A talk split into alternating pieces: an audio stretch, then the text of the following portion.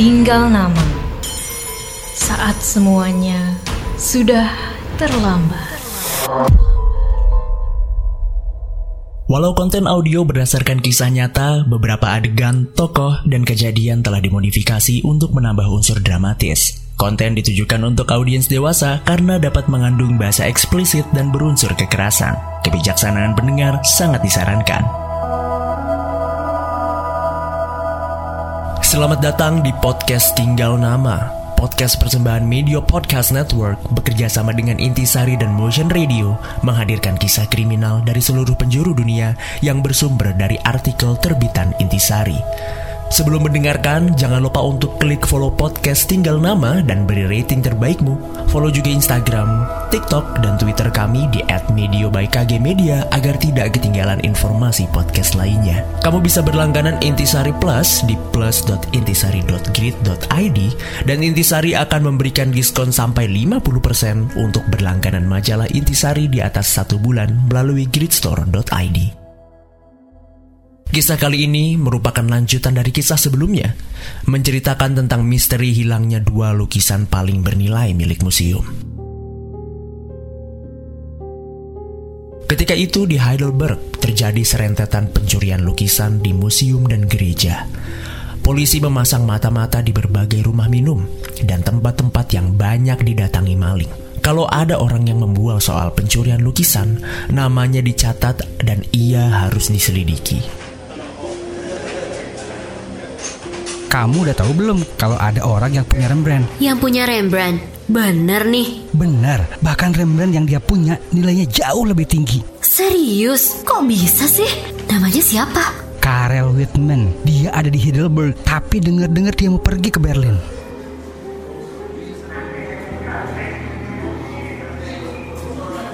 Komisaris Deter, saya tadi ke kafe tempat di mana maling-maling datangi. Lalu saya mendengar percakapan bahwa Karel Whitman yang punya lukisan itu lukisan Rembrandt dan katanya dia akan pergi ke Berlin. Mulai saat ini kita harus berjaga-jaga di Bandara Tempelhof. Jadi ketika melihat Whitman, langsung sigap tanggap dia. Komisaris Kepala Hans Detter merasa senang berhasil menemukan kembali Carol Whitman yang ia duga keras mempunyai hubungan dengan pencurian lukisan di Museum Tours. Interpol Wiesbaden mengirimkan telegram kepada Interpol Paris. Pihak Jerman menjelaskan bahwa pelarian ke Mesir buatan Rembrandt yang dicuri di Tours ditawarkan di Heidelberg. Seorang warga negara Cekoslowakia, Karel Whitman, ditahan November itu di Berlin, namun lukisan yang dimaksud belum ditemukan. Mereka meminta uang antara 5.000 sampai 6.000 Deutsche Mark untuk informan supaya penyelidikan bisa dilanjutkan. Harap museum menyediakan jumlah tersebut dengan cepat. Kalau tidak, kemungkinan besar lukisan tidak bisa kembali. Sebelum Interpol Paris bisa menjawab, terjadi peristiwa yang tidak terduga-duga. Pada tanggal 28 November 1972, hari Selasa, bel berbunyi di sebuah ruang pameran Museum Tours. Ketika itu, pukul 9.15, lewat telepon intern, Madame Pinot, kurator museum itu, dipanggil agar bisa menerima panggilan telepon di kantornya. Halo? Halo? Siapa ini? Maaf, suaranya tidak jelas. Kemudian hubungan putus. Keesokan harinya, lewat tengah hari, Madame Pinot ditelepon orang lagi. Halo, apakah ini Mi Pino? Iya, betul. Saya Mei Pino. Mi, saya punya masalah penting yang harus dibicarakan dengan Anda. Wanita itu berbahasa Prancis dengan lancar, tetapi aksen asingnya jelas. Madame Pinot hampir yakin aksen itu adalah aksen Jerman. Apa yang ingin Anda bicarakan dengan saya?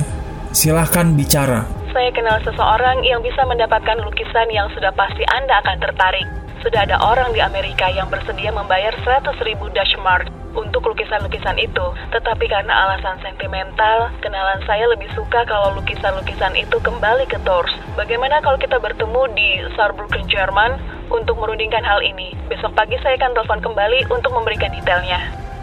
Madame Pinot segera melapor pada polisi setempat. Pontramon di Paris dan Inspektur Gertu dari Orleans cepat-cepat diberitahu. Madam Pinot menyatakan museum tidak mempunyai uang sebanyak tebusan yang diminta dan asuransi tidak meliputi pencurian. Dari mana ia bisa memperoleh uang sebanyak itu? Keesokan paginya, pukul 8 lewat 15 menit, Inspektur Gertu dan dua polisi lain sudah hadir di kantor Madam Pinot. Dengan tegang, keempatnya menunggu. Pukul 9 lewat 15 menit, wanita yang sama menelpon lagi.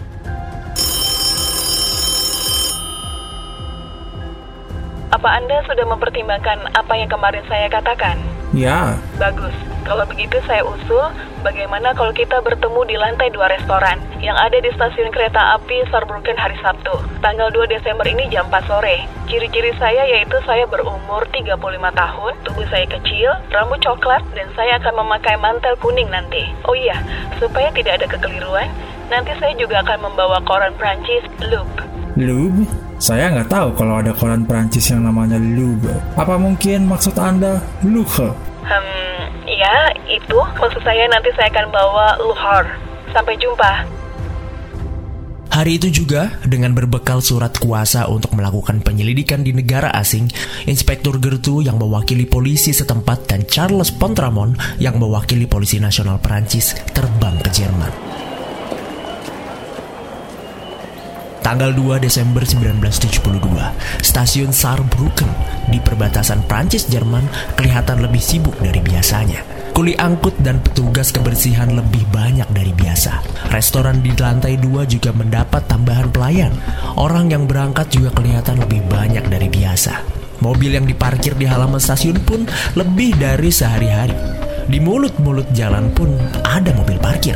Di antara sopir taksi itu sebenarnya didapati sopir.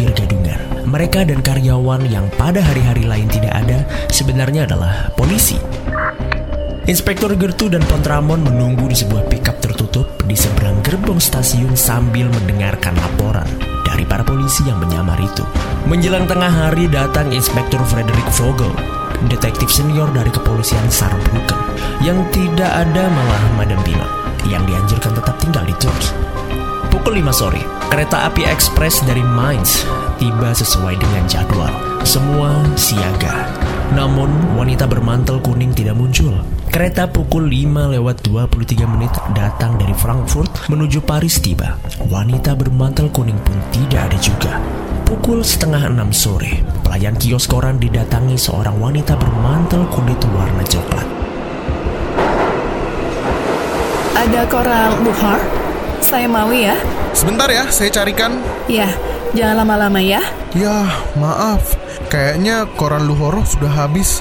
Kalau koran yang lain mau? Boleh, saya mau yang ini satu. Sebelumnya, wanita pelayan kios sudah mendapat penjelasan dari polisi mengenai apa yang harus ia lakukan. Jadi, sekarang cepat-cepat ia bermaksud melapor. Ia mendekati seorang pria yang ia yakin polisi berpakaian preman yang mesti ia hubungi kalau ada apa-apa. Pak, tadi saya dapat pelanggan, wanita bermantel coklat. Dia mencari koran Luhoro itu. Tapi korannya habis, jadi dia beli koran yang lain. Sepertinya itu wanita yang Bapak maksud. Terima kasih untuk informasinya. Lalu ia mendekati wanita bermantel coklat itu.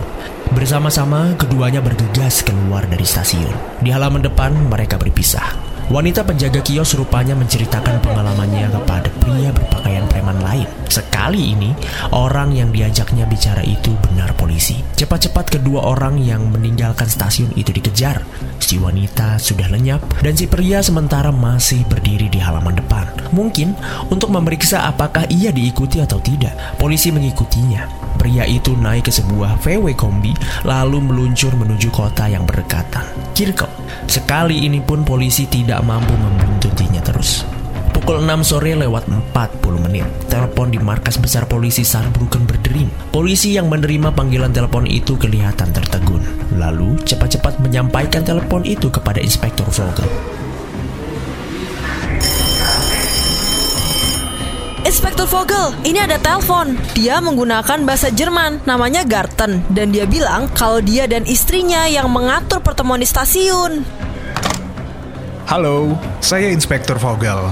Ada yang ingin disampaikan? Iya, Inspektur, saya dan istri yang mengatur pertemuan di stasiun. Namun memang ada kesalahan dalam perjanjian dengan Mipino. Kesalahan bagaimana maksud Anda? Iya, karena tidak mungkin pertemuan bisa dilakukan pada pukul 5 sore tank. Karena kereta api dari Paris baru datang pukul 5 lewat 51. Tadinya saya akan menghubungi pihak Anda pada tanggal 3 Desember setelah berhasil bertemu dengan Mipino. Jadi sekarang saya bermaksud untuk membuat janji temu dengan pihak Anda. Oke, Anda bisa bertemu dengan kami malam ini juga. Gimana? Oh, oke. Jadi silahkan Anda atur tempatnya. Di mana kami bisa bertemu dengan Anda? Dekat dengan rumah saya di Kirkel. Kita bertemu di pelataran parkirnya.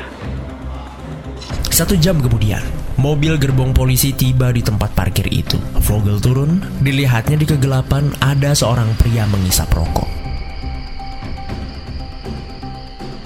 Tuan Garten? Ya, saya benar Garten.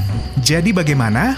Langsung saja beri keterangan pada kami. Saya bekerja sebagai penjual. Kemudian saya melihat lukisan Rembrandt itu ada di rumah teman saya di Essen. Karena saya pernah membaca di koran tentang pencurian lukisan di Troa, jadi saya tahu sejarah lukisan itu. Saya nggak bisa menjelaskan alasannya kenapa terpaksa menjual lukisan itu. Lalu saya curiga ketika wanita penjaga kios bertanya apakah saya polisi dan bisa memberitahu tentang apa yang terjadi. Menurut saya, saya yakin bisa mengatur kembalinya lukisan itu. Tapi tidak mungkin sebelum tanggal 6 Desember. Orang-orang yang menyuruh menjual lukisan itu menginginkan uang 100 ribu Deutschmark, saya merasa bahwa saya berhak mendapat bagiannya.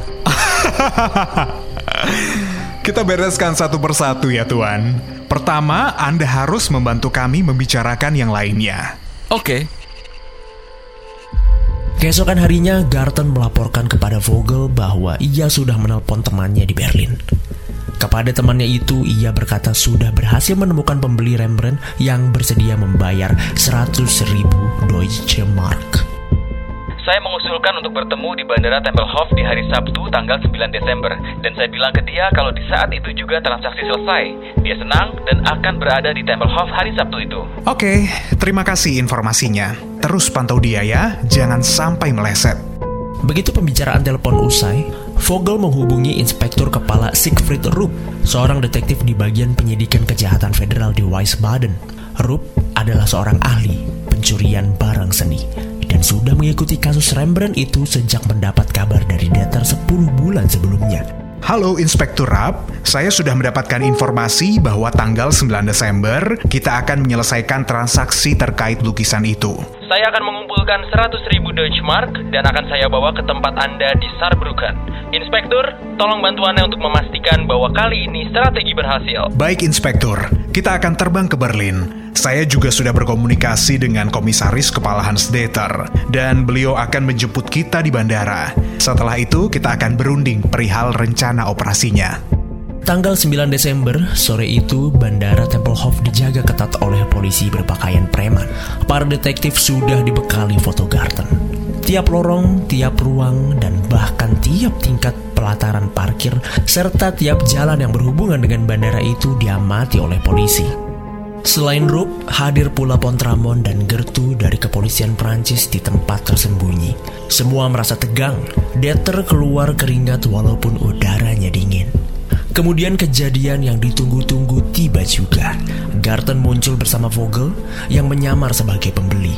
Di bangsal utama mereka tampak ragu-ragu. Seorang pria mendekati mereka. Peristiwa ini segera disampaikan kepada semua polisi yang berada di dalam dan di luar gedung lewat radio.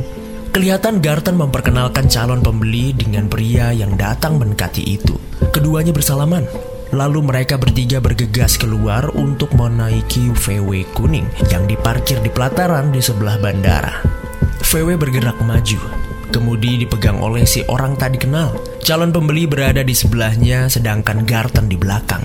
Mereka diikuti tujuh mobil polisi. Ada yang berupa mobil sedan, ada yang berupa mobil gerbong, tetapi semuanya berpenampilan preman, padahal isinya polisi bersenjata. Kira-kira satu kilometer dari bandara, VW itu menepi.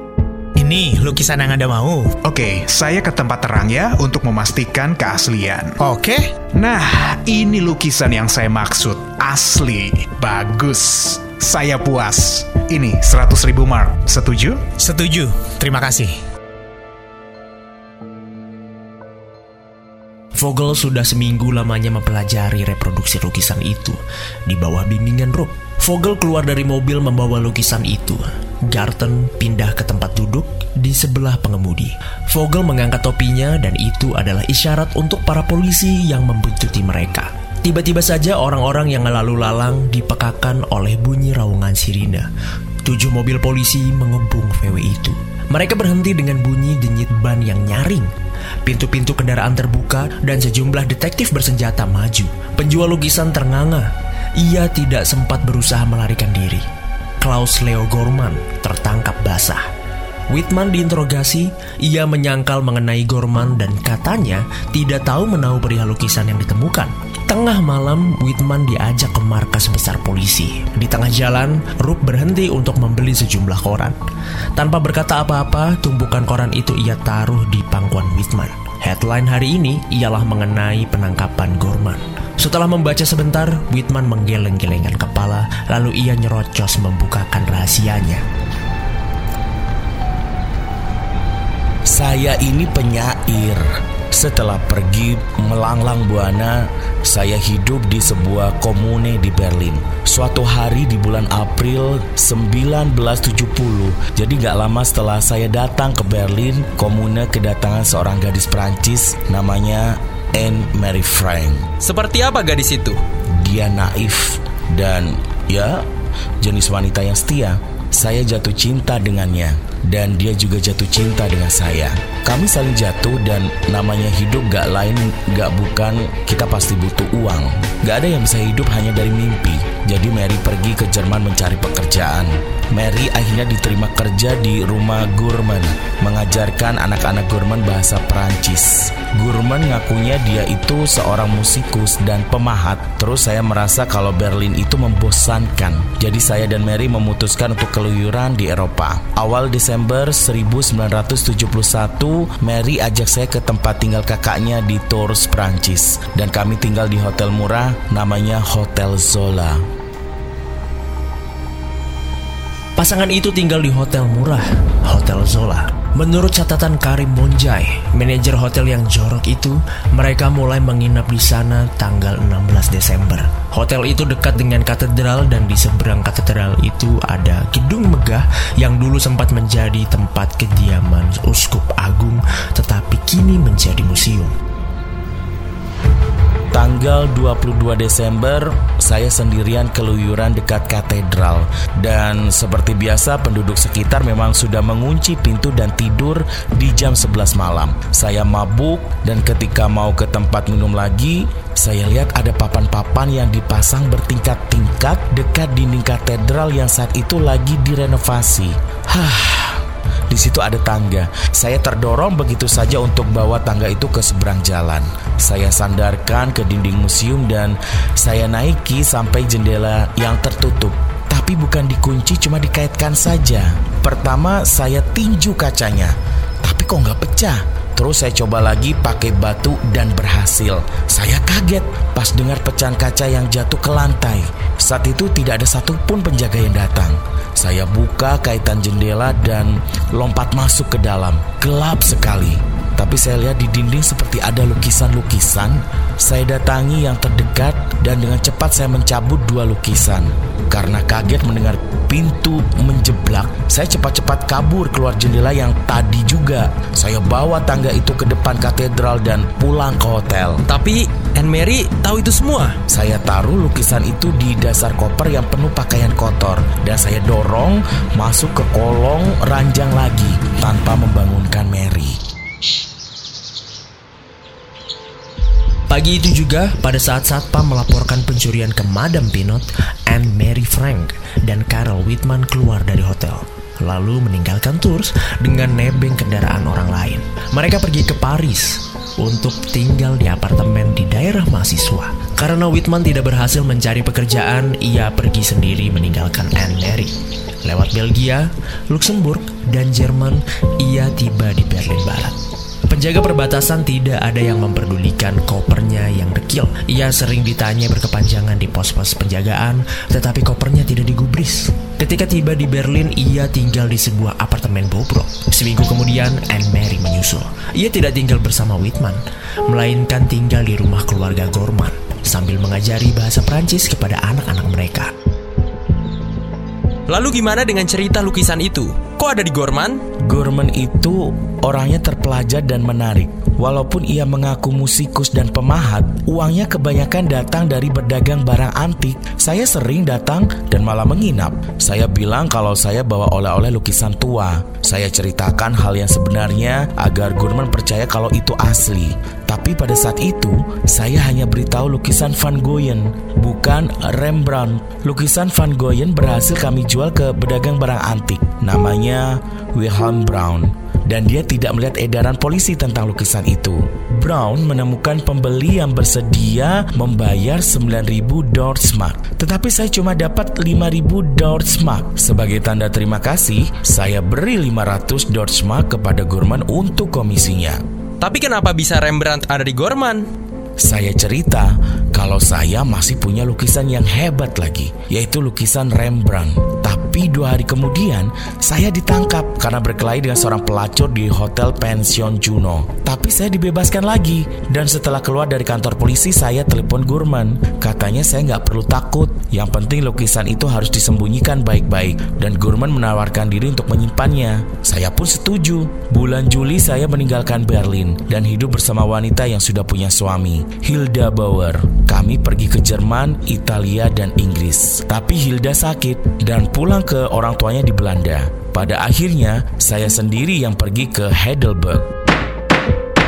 Pengadilan memutuskan Whitman diekstradisi ke Prancis dan diadili tanggal 4 Maret 1974 di Tours. Sidang cuma makan waktu 40 menit. Ia dijatuhkan hukuman 2 tahun penjara karena di penjara kelakuannya baik, masa hukumannya diperpendek dan ia kembali ke Jerman di tahun 1975. Sejak April 1975, ia lenyap entah ke mana. Lukisan Rembrandt dikembalikan ke Museum Tours. Lukisan Van Gogh ditemukan lagi dan diambil dari penadahnya. Gorman akhirnya dijatuhi hukuman 6 bulan penjara. Jangan lewatkan episode Tinggal Nama selanjutnya. Saat semuanya sudah terlambat, yang tersisa hanyalah tinggal nama.